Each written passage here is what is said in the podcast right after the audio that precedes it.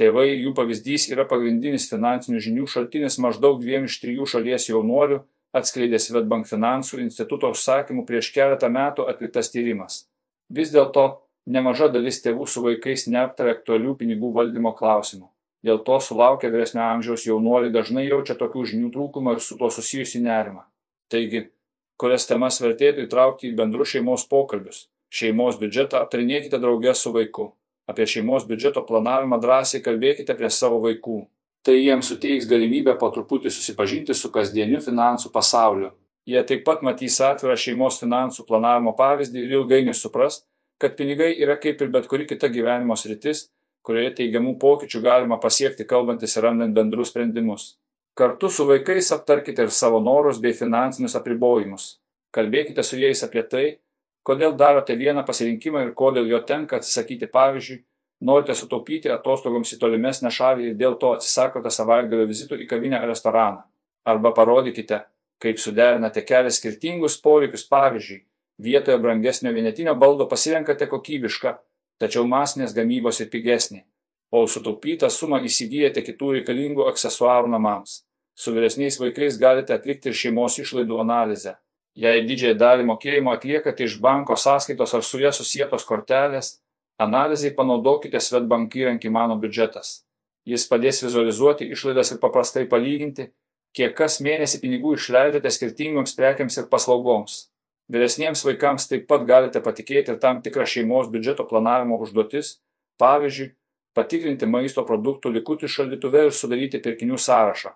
Atėjus į parduotuvę apsipirkti jų galite paprašyti surasti atitinkamus produktus, kurių bendra piniginė suma tilptų į iš anksto numatytą biudžetą. Leiskite vaikui atlikti pirkinių analizę. Planuodami įsigyti brangesnius daiktus, galite paprašyti savo vaikų atlikti pirkinių analizę. Pavyzdžiui, jei jūsų šeimai prireikia naujo televizoriaus, paprašykite savo vaikų surasti kelias skirtingus modelius už atitinkamą kainą palyginti jų technines charakteristikas ir išrinkti geriausią variantą. Taip pat galite paprašyti vaikų surasti geriausią kainą siūlančią pardavimo vietą ar pasiekti prekybininkų skelbiamas akcijas, kad norimą modelį pavyktų įsigyti kuo pigiau. Nebijokite vaikams duoti ir sudėtingesnių užduočių, pavyzdžiui, suplanuoti vasaros kelionę automobiliu po užsienio šalį. Vaikai gali sudėlioti maršrutą, apskaičiuoti, kiek kilometrų ir kiek degalų reikės kokiose nakvynės vietose galima apsistoti ir į kokias lankytinas vietas susukti.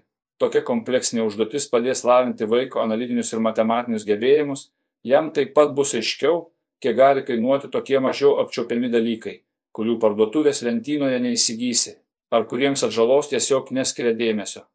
Kuras, kelionių draudimas ir PN įtraukite vaiką į bendro šeimos tikslo siekimą, nustepsite šalutiniu poveikiu. Minėtas pirkinių planavimas gali tapti galimybę kartu su vaikais nustatyti bendrus tikslus. Domėdamės ir analizuodami įvairius pasirinkimus, jie ima geriau suprasti jų kainą ir tai, kiek pinigų reikia vieniems ar kitiems norams. Todėl siekis juos įsigyti gali tapti motivacija taupyti patiems ar prisidėti prie bendro šeimos tikslo papildomai užsidirbant.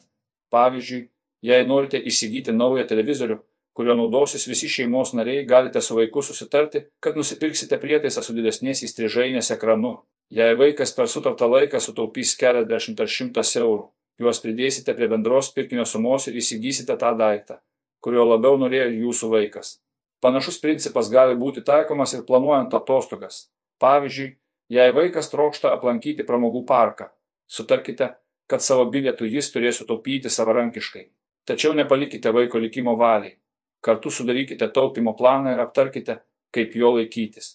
Atidarykite savo vaikui sąskaitą ir paskatinkite pinigus kaupti joje. Per savo interneto banko paskyrą galėsite stebėti, kaip jam sekasi tai daryti. Dar viena svarbi taisyklė. Vaikai prie šeimos tikslų savo sutaupytais pinigais turėtų prisidėti savanoriškai. Jei vaikas nenori skirti pinigų ar vėliau apsigalvoja, nereikėtų jo versti elgtis priešingai.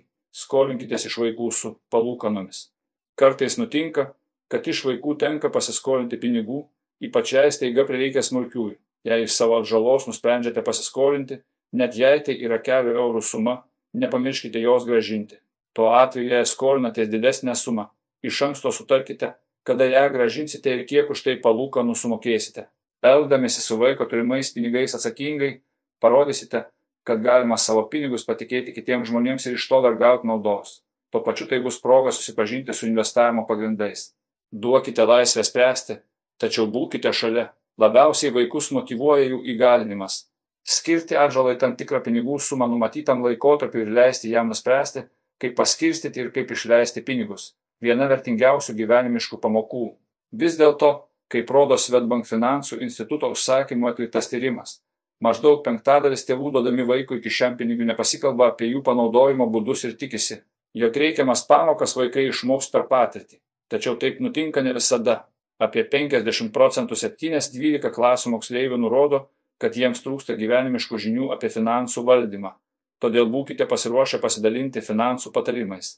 Kai vaiką užklups pirmieji finansiniai sunkumai. Tiesioginė patirtis iš tiesų yra geras mokymosi būdas, tačiau tam visiškai neskiriant dėmesio, jūsų vaikas nebūtinai iš jos padarys tinkamas išvadas.